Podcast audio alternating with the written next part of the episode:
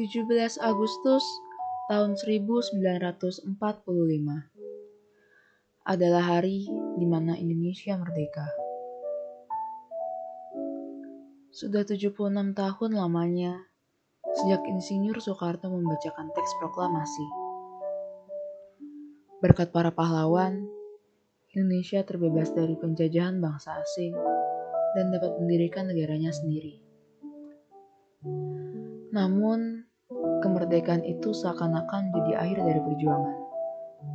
Padahal pada kenyataannya, kemerdekaan adalah awal mula dari perjuangan bangsa Indonesia. Hingga saat ini, kemerdekaan belum dirasakan oleh seluruh rakyat. Belum semua rakyat merasakan kebebasan yang seharusnya. Masih banyak masalah yang harus dibenahi oleh Indonesia.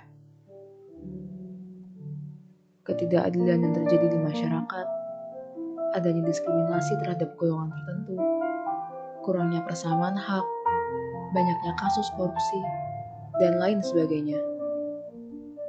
Nyatanya, setelah terbebas dari bangsa asing, negara kita dijajah oleh bangsa sendiri.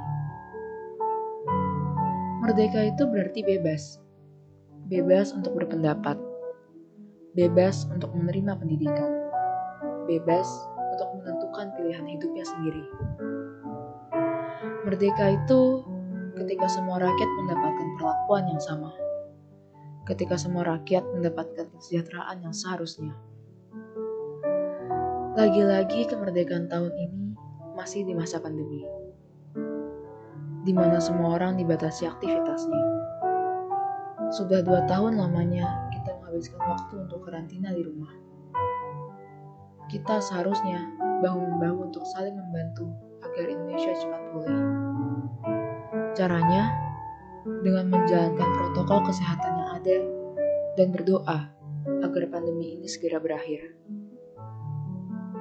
Dirgahayu Indonesia